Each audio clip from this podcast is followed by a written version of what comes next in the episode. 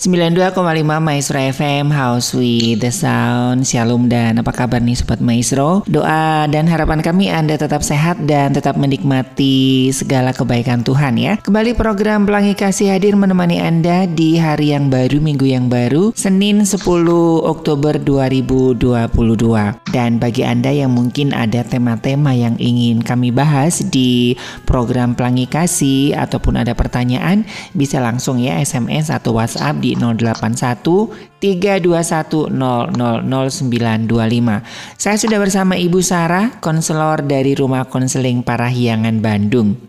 Apa kabar Ibu Sarah? Baik Mas Ari, bagaimana kabar Mas Ari? Ya sehat ya, luar biasa ya. Nah ini sebetulnya, ya ini sebetulnya relate banget ya dengan bahasan kita. Jujur saya sebetulnya kalau uh, ngobrol dengan Ibu Sarah itu kayaknya minder banget gitu bu. Sebetulnya kok bisa begitu? Iya gitu kan uh, apa namanya kosa katanya tuh enak, terus lancar, terus kayaknya pede banget gitu loh bu. Sementara saya waduh saya minder sekalipun saya ya saya kan biasanya orang di belakang layar ya Bu ya gitu kan kalau siaran kan uh, sendirian gitu tapi ketika harus uh, wawancara dengan orang apalagi ini orang yang uh, luar biasa gitu kayaknya rasa minder itu muncul Bu. Nah wajar nggak sih Bu sebetulnya rasa minder itu Bu? Pasti tidak wajar karena oh. kalau kita uh, belajar dari kosakata minder hmm. dalam bahasa uh, kosakata kamus besar bahasa Indonesia. Minder itu artinya rendah diri. Oh. Jadi artinya ada sesuatu yang salah ya. Kita pernah belajar di uh, minggu lalu sebenarnya hmm. ya hmm. hmm. mengenai uh, self awareness ya bagaimana yeah. kita harus mengenali diri kita mulai dari apa yang kita pikirkan apa yang kita rasakan dan apa yang kita katakan pada akhirnya gitu kan. Hmm. Jadi kita harus mengenali diri kita supaya kita mengerti potensi apa yang ada dalam diri kita, kelebihan kita, kekurangan kita dan akhirnya kita menjadi menjadi tampil apa adanya dan menjadi maksimal gitu loh Mas Ari. Hmm, hmm.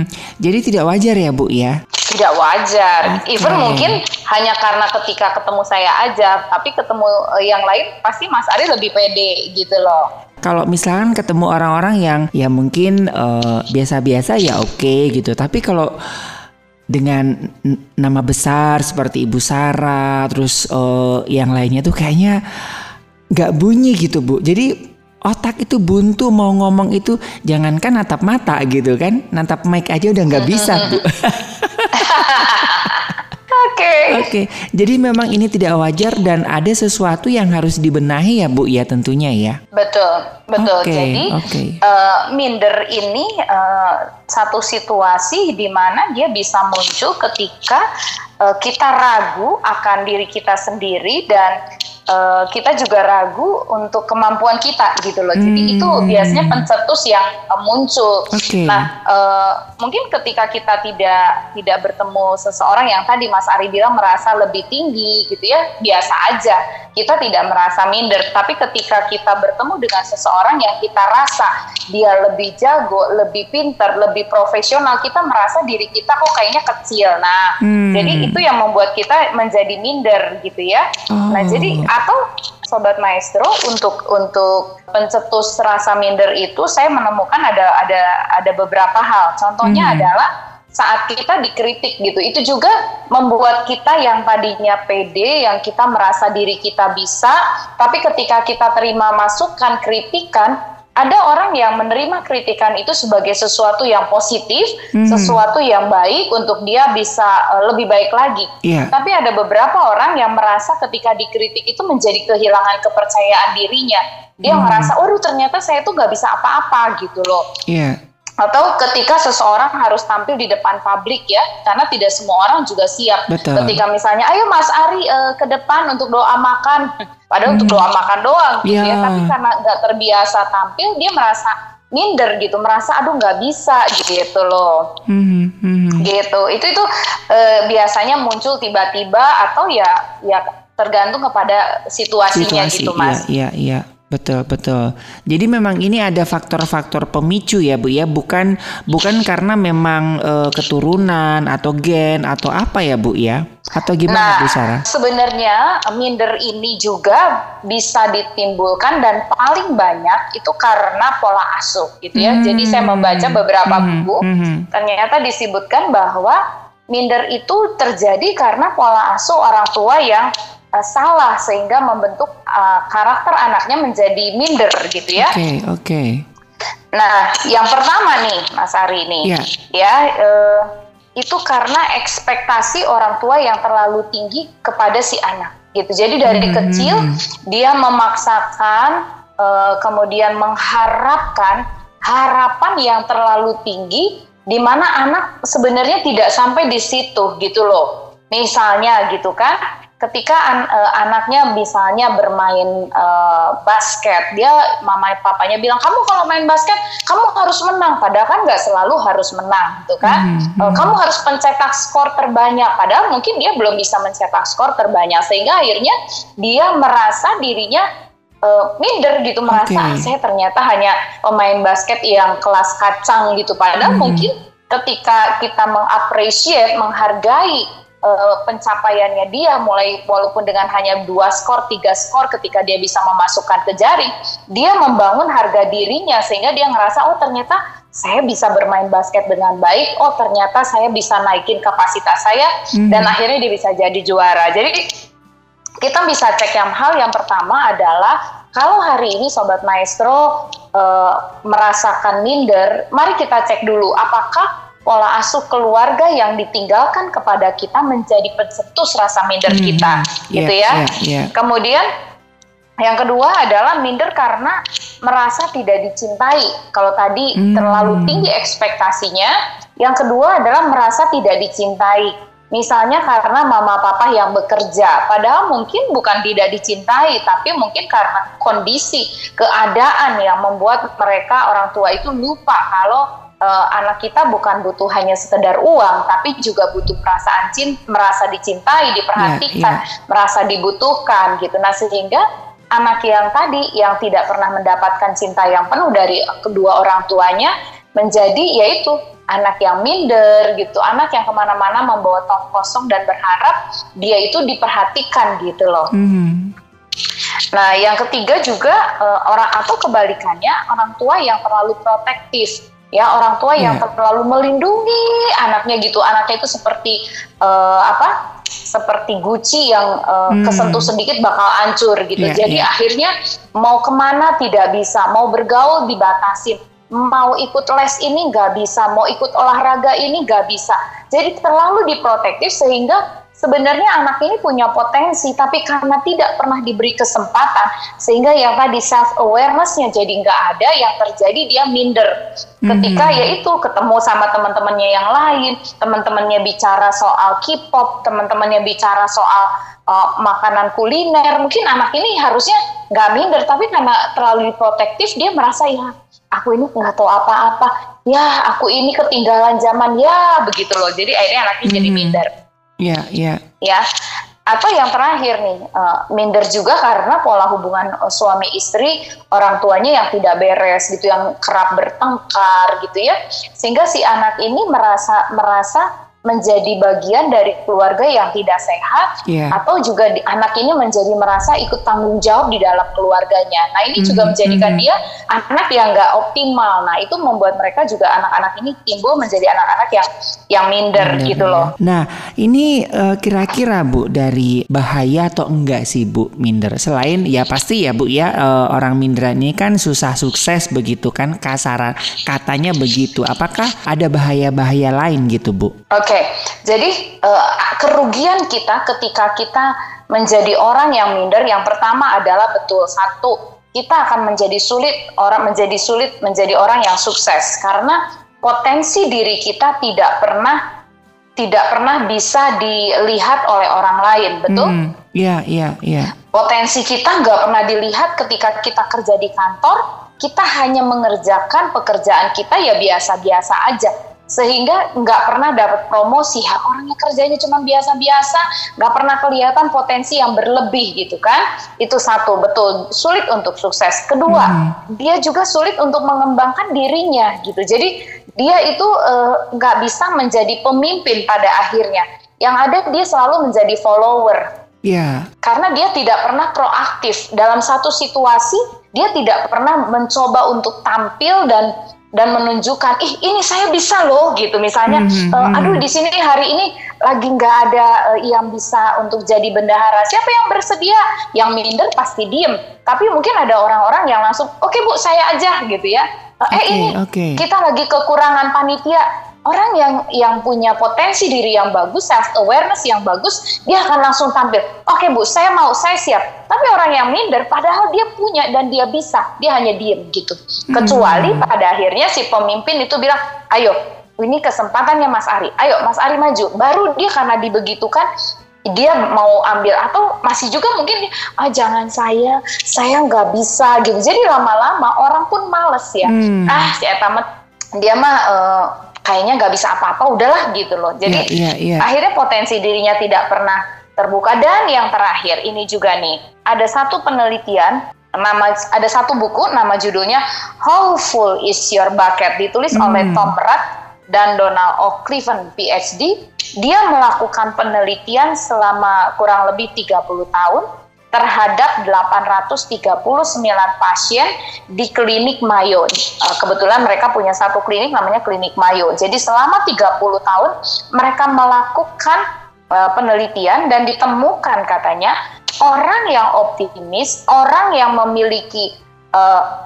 memiliki uh, pikiran yang positif gitu ya, yang gak minder, itu memiliki resiko lebih kecil mengalami kematian dini. Mm -hmm. Jadi teman-teman Artinya apa? Kalau kita jadi manusia yang tidak minder, kita sedang memperpanjang usia kita, kita sedang menyembuhkan rasa rasa sakit kita, kemudian juga menyembuhkan trauma kita. Jadi ternyata kita itu harus menjadi orang yang kan minder itu lawan katanya positif ya. Iya, iya tidak minder gitu artinya dia punya merasa punya kelebihan dia merasa punya potensi dalam dirinya nah kalau misalnya kita hidup dalam keminderan artinya ya tadi penelitiannya ternyata katanya memperpendek usia wah hmm. ngeri banget hmm. gitu hmm. kan Iya, yeah, iya. Yeah. Jadi kita harus menjadi orang yang optimis ya. Jadi kebalikan dari minder tuh optimis. Nah, hmm. Uh, orang yang optimis katanya diteliti hidupnya lebih panjang. Iya. Yeah.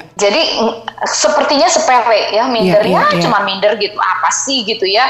Ini Bu, uh, yang jadi pertanyaan saya Bu ya. Kadang-kadang uh, ini apakah ada batasannya Bu ya? Ini orang ini tergolong minder atau memang dia males tampil aja gitu sebetulnya. Kan ada ya Bu ya orang yang suka di belakang layar gitu sebetulnya bukan minder gitu. Jadi nggak suka aja nggak suka tampil gitu Bu. Nah apakah orang yang nggak suka tampil itu masuk di kategori minder atau memang ada batasannya nih? Wah ini memang dia memang seperti ini. Wah ini minderan nih gitu. Nah batasannya seperti apa Bu? Memang di sini kita agak sulit berkata bahwa seseorang itu minder atau tidak -hmm. karena memang tidak semua orang juga punya bakat untuk tampil. Betul. Gitu ya. Betul. Kalau misalnya uh, kalau kita mau bicara jujur karena saya adalah orang yang suka tampil, saya ekstrovert dan saya punya kemampuan uh, multiple intelligence-nya bicara, ya hmm, jelas hmm, saya tidak tidak punya tidak punya kesulitan untuk ya. tampil. Yeah. Jadi eh, nggak uh, nggak bisa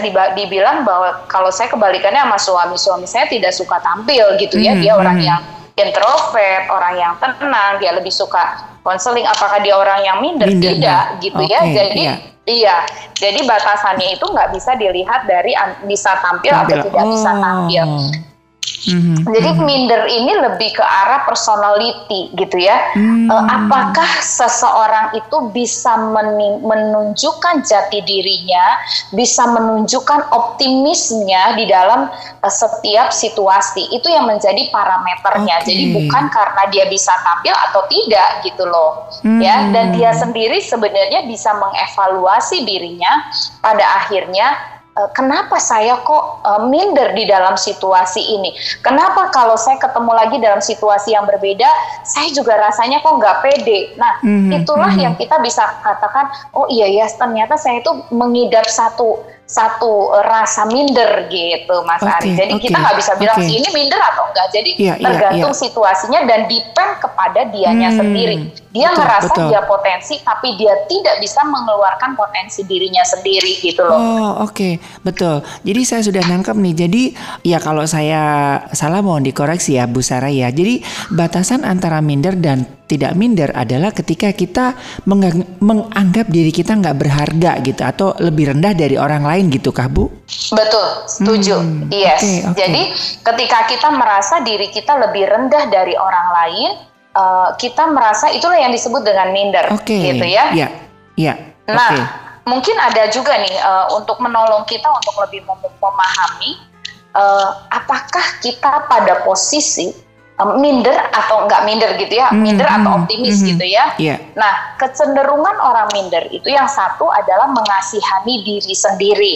Oh, iya. Yeah. Aduh, sedih ya, kok dia bisa nyanyi, kenapa saya nggak bisa nyanyi? Aduh, sedih ya, kenapa dia itu bisa uh, dia itu bisa tampil di depan banyak orang. Oh, sedih ya kenapa dia bisa khotbah hmm. sedih ya kenapa ya aduh saya emang nggak punya bakat apa-apa nah itulah tipe yeah, orang yeah, yang yeah. pertama yang minder ya karena dia mengasihani dirinya sendiri. Terus yang kedua membenci diri dirinya sendiri. Oke. Okay. Ada orang yang membenci dirinya sendiri gitu ya. Hmm. Duh saya tuh benci sama diri saya. Padahal menurut saya itu tuh hal yang mudah, tapi saya nggak mau. Nah, hmm, kemudian mm -hmm. yang ketiga adalah membandingkan diri sendiri dengan orang, orang lain. lain. Yeah. Ya, yang keempat iri pada orang lain. Nah, uh, saya kasih cerita dulu nih yang yeah, awalnya. Yeah. Uh, biasanya orang yang mengasihani diri sendiri suka bilang begini nih ya. Uh, aku memang orang paling menyedihkan hmm. di dunia ini. Aku nggak bisa lakuin apa-apa. Aku memang pecundang. Aku orang yang salah. Aku orang yang paling jelek di dunia. Nah, itu hmm. uh, sobat maestro, itu ciri yang pertama tuh. Yeah. Ya, orang-orang yang minder itu bahasanya orang minder ketika dia mengasihani diri sendiri. Dia melabel dirinya sendiri hmm. dengan kata-kata yang tadi, aduh aku sih memang pecundang, ya, aduh ya, aku ya, tuh ya. orang yang memang paling menyedihkan, ya. aduh aku tuh orang yang kalahan, aduh aku tuh orang yang jelek. Nah itu tuh udah pasti tuh, itu adalah hmm. ciri-ciri hmm. orang yang minder dengan cara mengasihani dirinya sendiri secara berlebihan. Yeah. Nah, terus yang kedua, kecenderungannya apa? Membenci diri sendiri gitu ya. Contohnya nih, orang kalau membenci diri sendiri ngomongnya begini. Seandainya aja aku nggak dilahirin uh, di dunia ini yeah, gitu yeah. kan. Aku benci diriku sendiri. Masa segitu aja aku nggak bisa gitu. Jadi dia membenci dirinya sendiri gitu kan. Hmm. Uh, Oh, padahal belum tentu orang menilai seperti itu, yeah. tapi dirinya sendiri dia ngerasa dia dengan dirinya sendiri bertentangan. Terus yang ketiga tadi membandingkan diri Hmm. sendiri sama orang lain. iya. Dia yang membandingkan dirinya sendiri dengan orang lain. Terus bahasanya apa? Misalnya dia bilang, "Duh, seandainya aja aku tuh bisa kayak Mas Ari, bisa Hmm. jadi seorang penyiar, pasti enak." Aduh, Iya. seandainya saya bisa kayak teman saya yang jago masak. Hari ini saya nggak susah, saya bisa eh, bikin catering gitu ya. Mhm, Atau mhm. Aduh kalau seandainya banyak lah ya alasannya. Iya, iya, iya. Seandainya saya seperti siapa gitu ya, kayaknya hidup nggak susah-susah amat gitu kan. Mhm, Itu yang mhm. membandingkan diri dirinya sendiri dengan orang, Orang lain. betul. Nah yang keempat nih, ada orang yang tipenya iri kepada orang lain.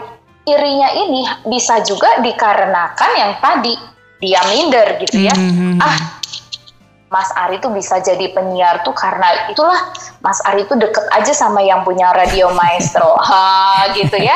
Atau ada orang "Hmm, dia mah bisa berhasil, bisa jadi juara juga karena dia tuh orang tuanya deket lah sama si Mhm, kepala sekolah. mhm, iya. Atau dia suka kasih kasih duit tuh kalau ke luar negeri juga dia suka kasih kasih kado tuh ke wali kelas. Jadi aja anaknya tuh jadi selalu dijadiin juara. Jadi Hmm. iri ya Iya, iya. dia ngerasa orang lain itu e, melakukan hal yang jelek untuk bisa berhasil padahal belum tentu toh gitu Mhm, kan jadi mhm. em, jadi empat ciri ini kecenderungan dari bahasanya kita bisa menilai seseorang itu e, minder atau optimis Oke. gitu kita bisa oh Iya, iya. sebenarnya dia tuh sedang minder gitu Mhm, loh mhm. Dan sebetulnya ini Nah. adalah salah satu toksik ya Bu ya. Soalnya saya ngerasa ini Bu, ngerasa makanya saya kejar terus nih Ibu Sarah. Soalnya oh iya ya ini sangat berpengaruh dalam relationship Bu. Saya beberapa kali pacaran juga gitu Bu gitu.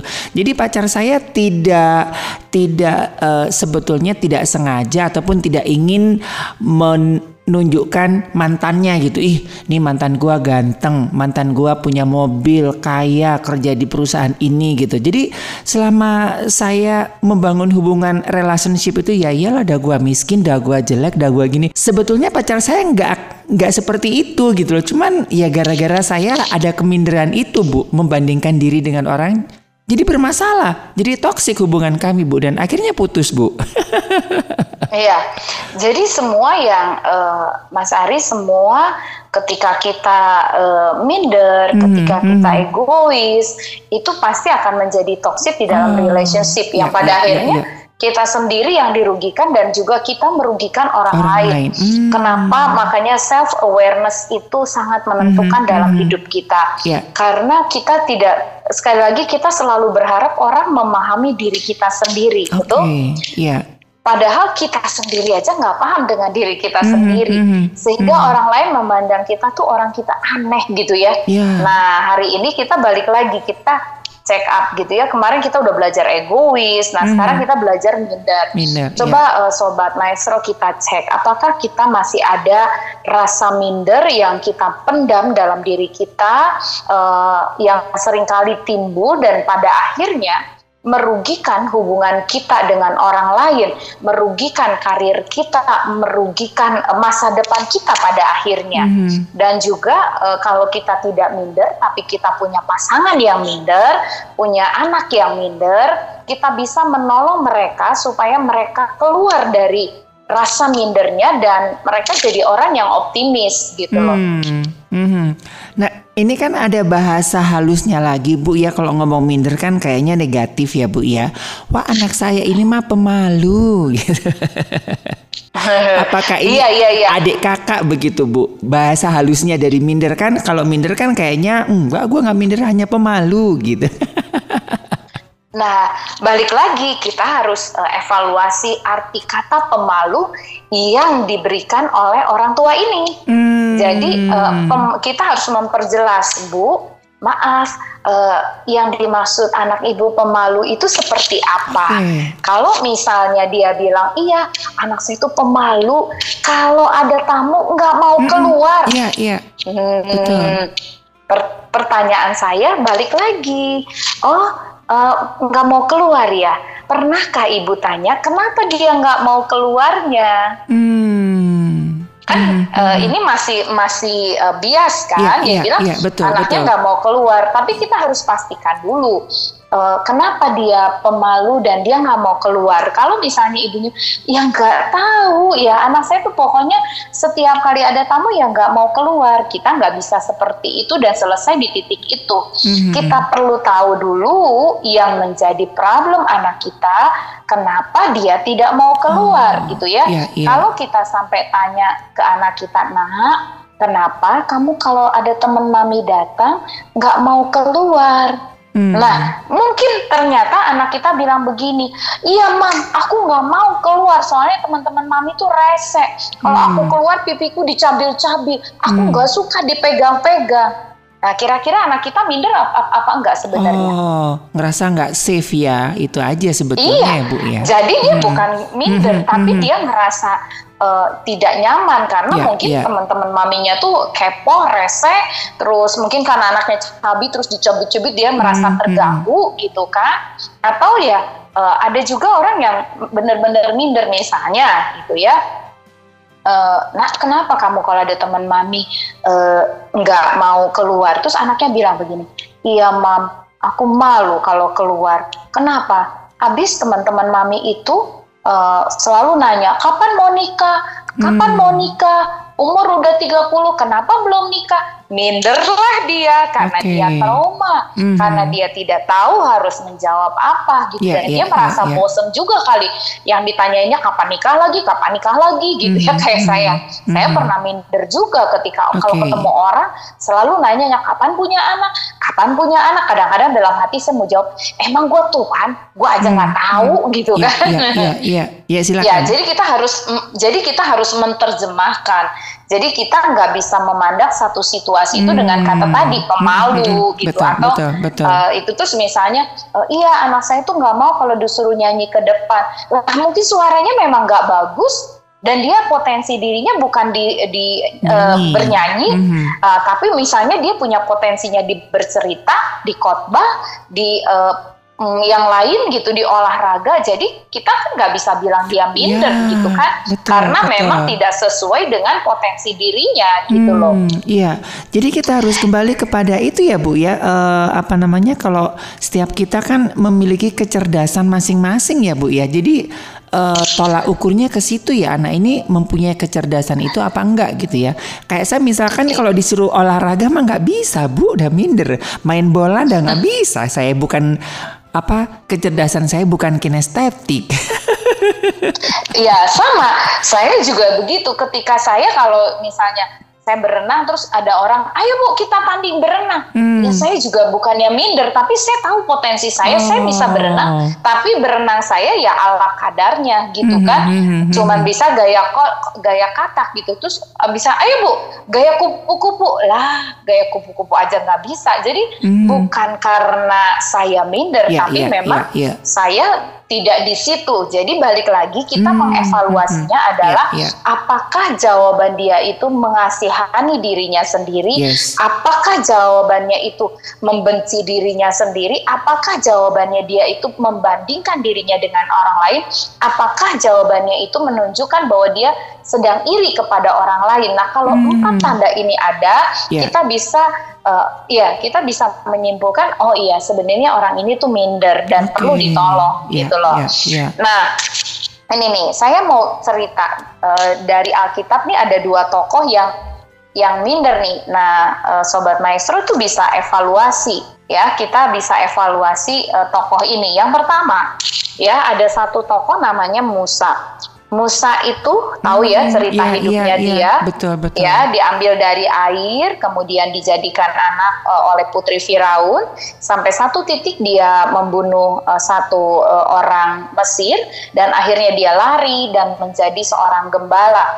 Dan pada waktu itu penderitaan orang uh, ya orang Israel kan uh, di, di habis-habisan disiksa oleh bangsa Mesir dan akhirnya Tuhan datang kepada Musa untuk Musa, ayo Musa, kamu bawa orang Israel keluar dari Mesir. Kita lihat nih ya, di keluaran tiga, supaya Bapak Ibu Sobat Maestro lebih memahami, apakah Musa ini minder atau tidak. Nah, hmm. kita lihat ya, di keluaran tiga ayat ke-11 ya, di situ Tetapi Musa ketika uh, dari ayat ayat 10 ya, di situ jadilah sekarang pergilah aku mengutus engkau kepada Firaun untuk membawa umatku orang Israel keluar dari Mesir. Ayat yang ke-11 di Keluaran 3, si Musa berjawab gini, tetapi Musa berkata kepada Allah, "Siapakah aku ini?" Maka aku yang akan menghadap Firaun dan membawa orang Israel keluar dari Mesir. Pertanyaannya, apakah Tuhan salah pilih? No, Tuhan tahu, Tuhan sudah merancangkan hidupnya Musa.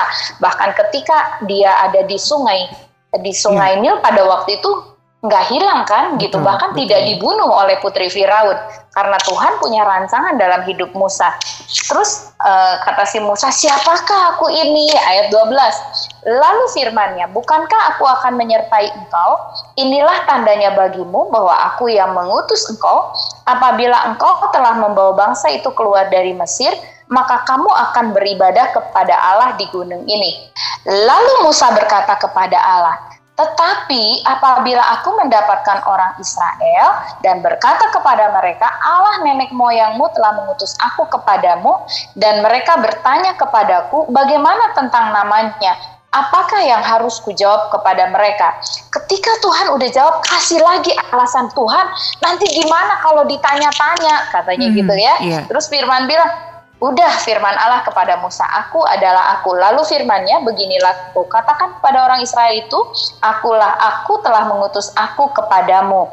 Selanjutnya beginilah berfirmanlah Allah kepada Musa, beginilah aku kau katakan kepada orang Israel, Tuhan Allah nenek moyangmu, Allah Abraham, Allah Ishak, Allah Yakub telah mengutus aku kepadamu, itulah namaku untuk selama-lamanya dan itulah sebutanku turun temurun.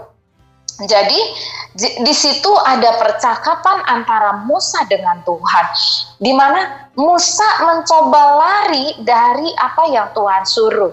Jadi eh, balik lagi Tuhan itu nggak asal pilih dalam hidup kita, Dia tahu potensi kita. Jadi bukan asal-asalan gitu. Hmm. Tuhan tahu dengan yeah. pasti sebenarnya Musa itu punya potensi. Cuman Musa yang seperti tadi dia mengasihani diri dia bilang, aduh Tuhan, saya tuh siapa sih? Padahal, padahal harusnya dia bersyukur dia pernah menjadi putri, uh, jadi anaknya putri Firaun ya. Mm-hmm. Kemudian uh, kenapa dia masih tetap ngeles?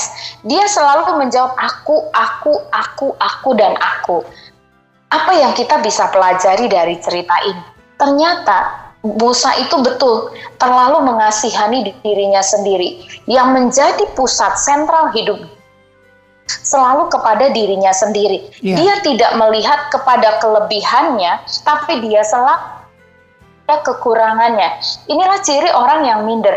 Ciri hmm. orang yang minder itu dia nggak lihat kelebihan dirinya, yang dia lihat selalu kekurangannya. Dia hmm. bilang yang tadi siapakah yeah, aku yeah. ini, terus udah gitu dia bilang saya tuh orang yang nggak bisa bicara, kata Musa gitu kan.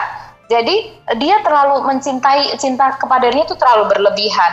Uh, kemudian uh, dia nggak pede ya, karena dia hmm. karena banyak hal itu dia membuat yeah. dia tidak pede pada padahal pada akhirnya Musa berhasil mengeluarkan bangsa Israel dan hampir 40 tahun ya perjalanan Betul. di uh, padang gurun dipimpin oleh dia. Jadi artinya apa? Uh, orang yang minder ketika dia berani keluar dari mindernya, dia menjadi orang yang optimis. Pada akhirnya dia berhasil dan Tuhan selalu mengingat Musa sepanjang uh, di Alkitab selalu diingatkan uh, seperti Musa ya, seperti Musa oh, banyak sekali ya yeah. diceritakan tentang kelebihannya Musa pada akhirnya. Seperti itulah ciri yang pertama dari seorang yang namanya Musa. Mm-hmm. Nah, ada satu lagi nih yang mirip ceritanya ya, itu adalah Gideon. Yeah. Ya, Gideon itu Gideon itu sama pada waktu waktu Gideon uh, hidup, dia itu sedang e, bangsa Israel itu sedang dijajah oleh bangsa Midian, ya. E, kemudian kalau saya baca ini Hakim-hakim 6 ayat 1, tetapi orang Israel melakukan apa yang jahat di mata Tuhan, sebab itu Tuhan menyerahkan mereka ke dalam tangan orang Midian tujuh tahun lamanya. Dan selama itu orang Midian berkuasa atas orang Israel karena takutnya kepada orang Midian itu maka orang Israel membuat tempat perlindungan di pegunungan yakni gua-gua dan kubu-kubu. Jadi situasi yang terjadi pada waktu itu uh, orang Israel lagi ketakutan, mereka hidup di gua-gua. Jadi Gideon lahir di masa ini gitu ya. Nah, kemudian uh, apa? Setiap kali bangsa Israel menabur benih, udah panen, lang, lalu panenannya itu selalu di, dirampas oleh bangsa Midian itu dan orang Amalek ya. Nah, satu kali ya di ayat 6 di situ dia bilang sehingga orang Israel sangat melarat oleh perbuatan Midian. Lalu berserulah orang Israel kepada Tuhan. Jadi udah susah. Kalau menurut saya nih orang melarat itu udah miskin betul nggak Mas Ari? Betul. Yeah. Udah melarat itu udah pasti susah. Mm -hmm. Dan di sini mhm. diceritakan sangat melarat ya jadi betul betul betul mereka susah sekali pada waktu itu dan mereka berseru kepada Tuhan dan akhirnya Tuhan datang untuk menyelamatkan orang Israel mirip dengan kejadian yeah. di Mesir. Yeah. Nah, terus akhirnya uh, Tuhan mengutus orang nabi ke Israel suruh cari uh, cari satu orang hakim yang baru untuk bangsa Israel. Nah, kemudian Ketika itu, nah dia datang kemudian ayat 11 nih ceritanya mulai. Kemudian datanglah malaikat Tuhan dan duduk di bawah pohon terbantin di Ofra, kepunyaan Yoas, orang Abiezer itu, sedang Gideon anaknya mengirik gandum dalam tempat pemerasan anggur agar tersembunyi bagi orang Midian. Jadi sama hmm. nih, hmm. dia di sedang bersembunyi. Terus akhirnya malaikat Tuhan bilang, e, Tuhan menyertai engkau ya pahlawan yang gagah berani. Padahal Tuhan bilang di situ bahwa Gideon itu pahlawan yang apa, Mas Ari? Yang gagah. Gagah. Gagah berani. Berani. Mm -hmm, Tapi lihat jawabannya lagi. Jawab Gideon kepadanya. Ah Tuanku, jika Tuhan menyertai kami, mengapa semuanya itu menimpa kami, gitu ya? Hmm, yeah. Kemudian dia juga mulai bilang, ah Tuhanku, dengan apakah akan kuselamatkan orang Israel? Ketahuilah, katanya dia bilang apa? Kaumku adalah yang paling kecil di antara suku Manasye, hmm. dan aku pun seorang yang paling muda di antara kaum keluargaku. Yeah. Jadi ternyata minder itu juga di, dicetuskan dari rasa trauma. Mm-hmm. Jadi orang-orang ini juga uh, kita perlu cek salah satu pencetus minder itu juga trauma masa lalunya dia. Yeah, yeah. Jadi dia udah melihat bagaimana bangsanya ditindas, dia melihat bagaimana kemelaratan hidup susah, sangat susah, sampai akhirnya dia tidak siap untuk menjadi pemimpin. Padahal tadi Tuhan bilang engkau adalah pahlawan yang gagah berani. Artinya dia punya potensi menjadi seorang pemimpin karena hmm. dia gagah dan berani. Yeah, Tapi iya. balik yeah. lagi karena ada trauma yang belum disembuhkan pada waktu itu, sehingga dia cuma mengasihani diri lagi seperti hmm. Musa lagi aduh Tuhan saya cuma dari suku Manasye aduh yeah. Tuhan Manasye itu anaknya anak yang terakhir, terakhir. dari siapa dari uh, iya ya. yang Yusuf, Yusuf ya. ya betul jadi udah kebagi dua uh, Bapak Ibu Sobat Maestro, Gideon ini balik lagi tadi dia ngalamin trauma ketika mm-hmm. bangsa Israelnya dijajah, Betul. bangsa Israel hidup dalam kemelaratan, sehingga dalam pandangannya adalah bangsa Israel itu bangsa yang lemah, bangsa yang nggak bisa melakukan apa pun gitu, sehingga ketika Tuhan datang kepada dia dan dia berkata bahwa Gideon adalah pahlawan yang gagah berani, dia tetap menghindar dari panggilannya itu hmm. sampai pada akhirnya uh, Gideon bilang sama Tuhan Tuhan kasih tanda gitu yang uh, embun pagi itu membasahi uh, apa domba ya yeah, kulit domba yeah, yeah. gitu yang dia taruh di tanah gitu jadi uh, sekali lagi minder ini juga merugikan orang lain hmm. ya seandainya Musa tidak tetap bertahan dia tidak melakukan bagiannya seandainya Gideon juga tidak mengambil bagian dari apa yang sudah Tuhan tetapkan, maka bangsa Israel akan mengalami kerugian, kehilangan pemimpin yang gagah berani yeah. yang yang membantu mereka untuk melepaskan bangsa Israel dari tanah Mesir yang melepaskan bangsa Israel di Gideon untuk dari bangsa Midian dan Amalek gitu loh, hmm, Mas hmm, Ari. Jadi yeah, yeah. Uh, jangan pernah berpikir kita itu kalau punya sifat minder hanya merugikan diri kita sendiri gitu. Hmm, kita ngerasa hmm. ah, gua gua urusan gua ngapain juga ini juga badan gua, pikiran yeah, gua, yeah. perasaan gua.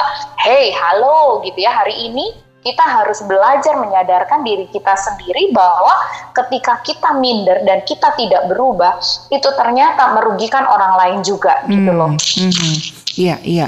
Ini uh, dari dua tokoh ini ya, uh, Musa dan Gideon ya. Ini kan uh, akhirnya dia bisa memiliki rasa percaya diri.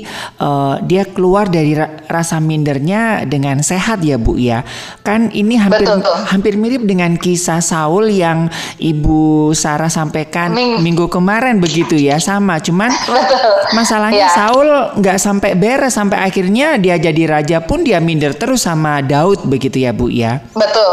Oke. Okay. Ya. Nah, Padahal bagaimana Daud itu ganteng, ya, tinggi ya. ya Waduh. Betul, betul, betul. Nah, bagaimana Bu caranya untuk kita bisa keluar dari rasa minder ini dengan sehat? Karena ada beberapa orang yang mengatasi keminderan ini menurut saya dia bisa keluar dari rasa minder tapi nggak sehat bu. Nah gimana caranya untuk kita bisa keluar dari keminderan yang sehat bu?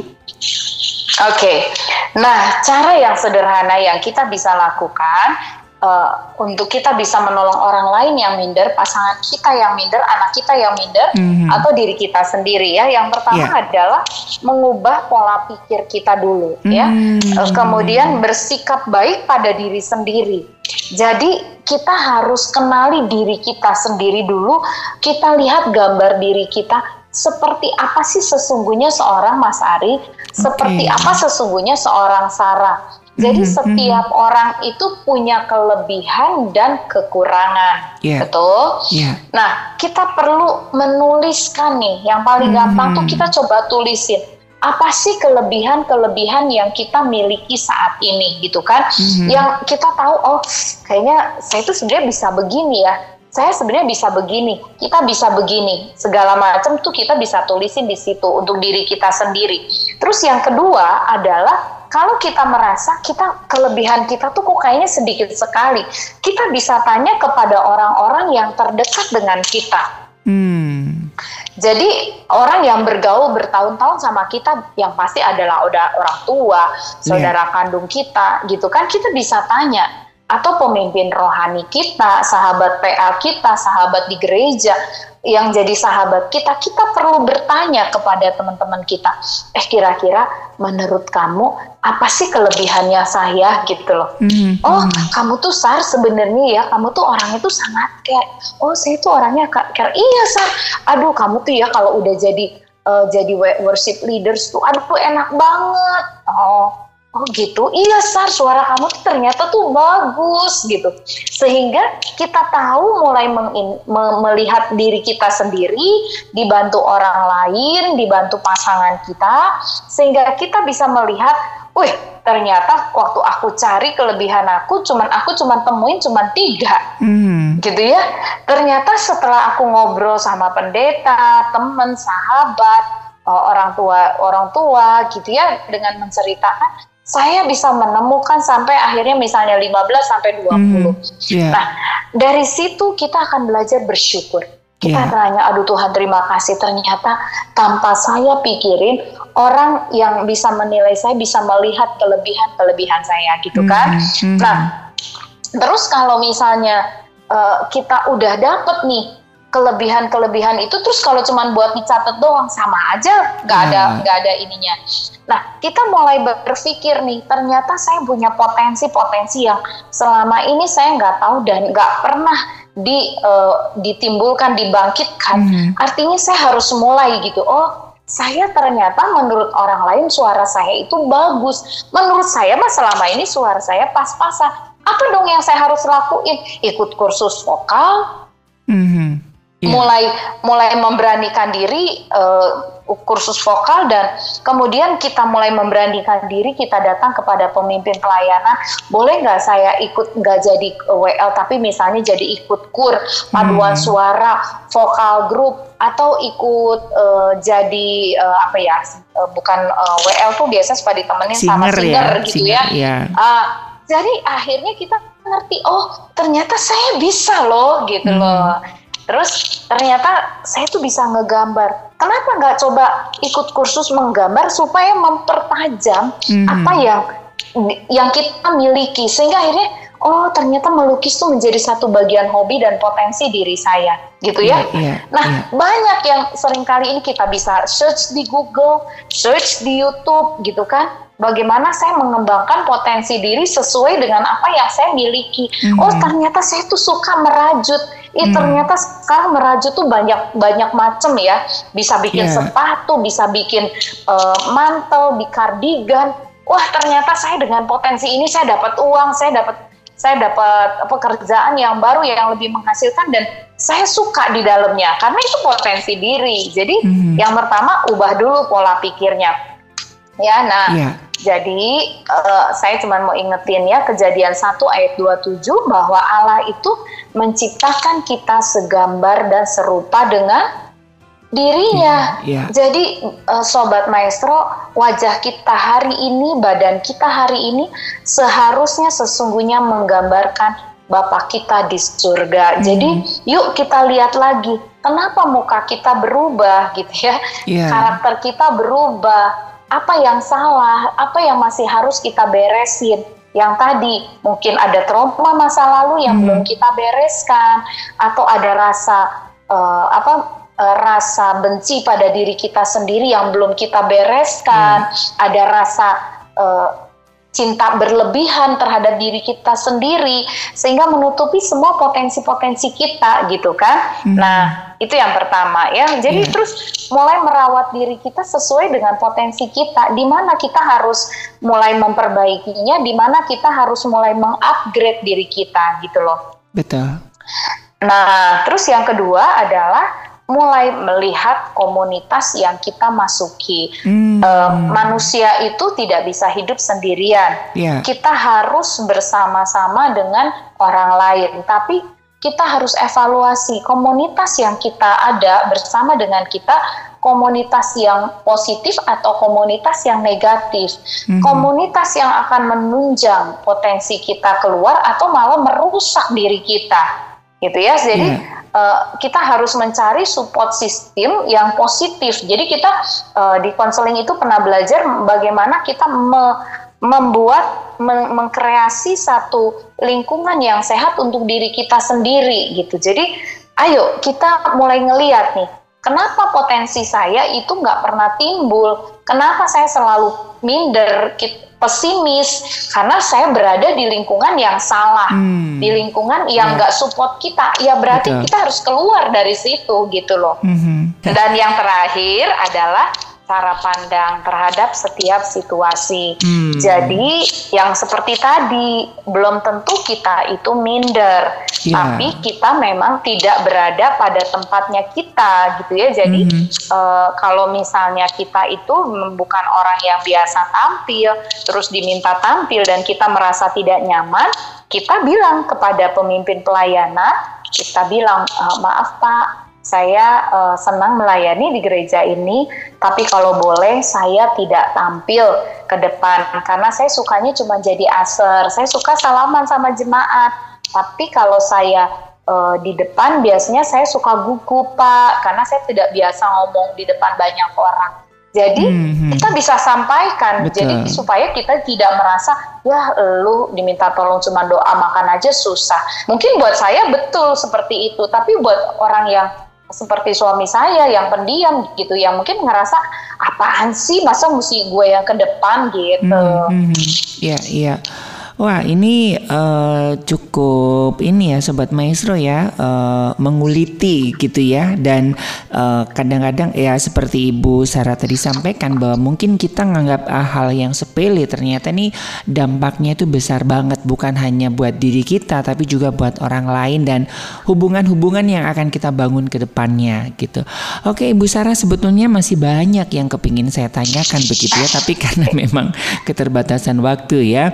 Nah, kira-kira apa yang bisa kita simpulkan Ibu Sarah dari bahasan kita hari ini? Kembali lagi di Yesaya ya yang dibilang bahwa setiap kita itu berharga dan mulia dalam pandangannya Tuhan. Bahkan Tuhan mati buat diri kita.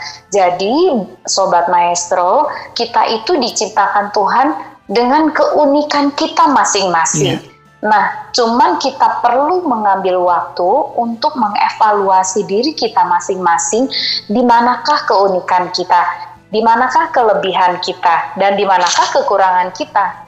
Sehingga hmm. ketika satu pada satu titik kita bisa bicara, uh, ketika saya membandingkan diri saya dengan orang lain, barulah saya sadar bahwa setiap orang itu berbeda-beda berbeda-beda dan punya medan peperangannya sendiri. Jadi, yuk jangan bandingkan diri kita sama orang lain. Hmm. Tapi mari kita berkaca kepada Tuhan seperti apa yang Tuhan sudah kerjakan dalam diri kita, seperti itulah potensi yang ada dalam diri kita masing-masing. Balik lagi PR catat yuk masing-masing kelebihan diri kita supaya kita bisa bersyukur, supaya kita bisa memunculkan setiap potensi diri kita dan ketika kita berada pada satu situasi kita bisa berdiri seperti diri kita sendiri, nggak perlu minder, nggak perlu pesimis, tapi yang ada kita jadi jadi orang yang optimis. Yeah. dan balik lagi manfaatnya ya Eh, ketika kita optimis itu memperpanjang usia hmm, kita. Yes. Oke. Okay. Ya, sekali lagi Ibu Sarah terima kasih buat hari ini. Ini sangat membukakan wawasan kita dan sangat uh, memberkati sobat-sobat maestro. Sekali lagi terima kasih Bu Sarah. Sama-sama Mas Ari. Iya, baik sobat maestro, jika Anda nanti mungkin ada pertanyaan atau membutuhkan layanan lebih intens, Anda nanti bisa menghubungi kami dan kami akan memberikan call center dari Rumah Konseling Parahyangan.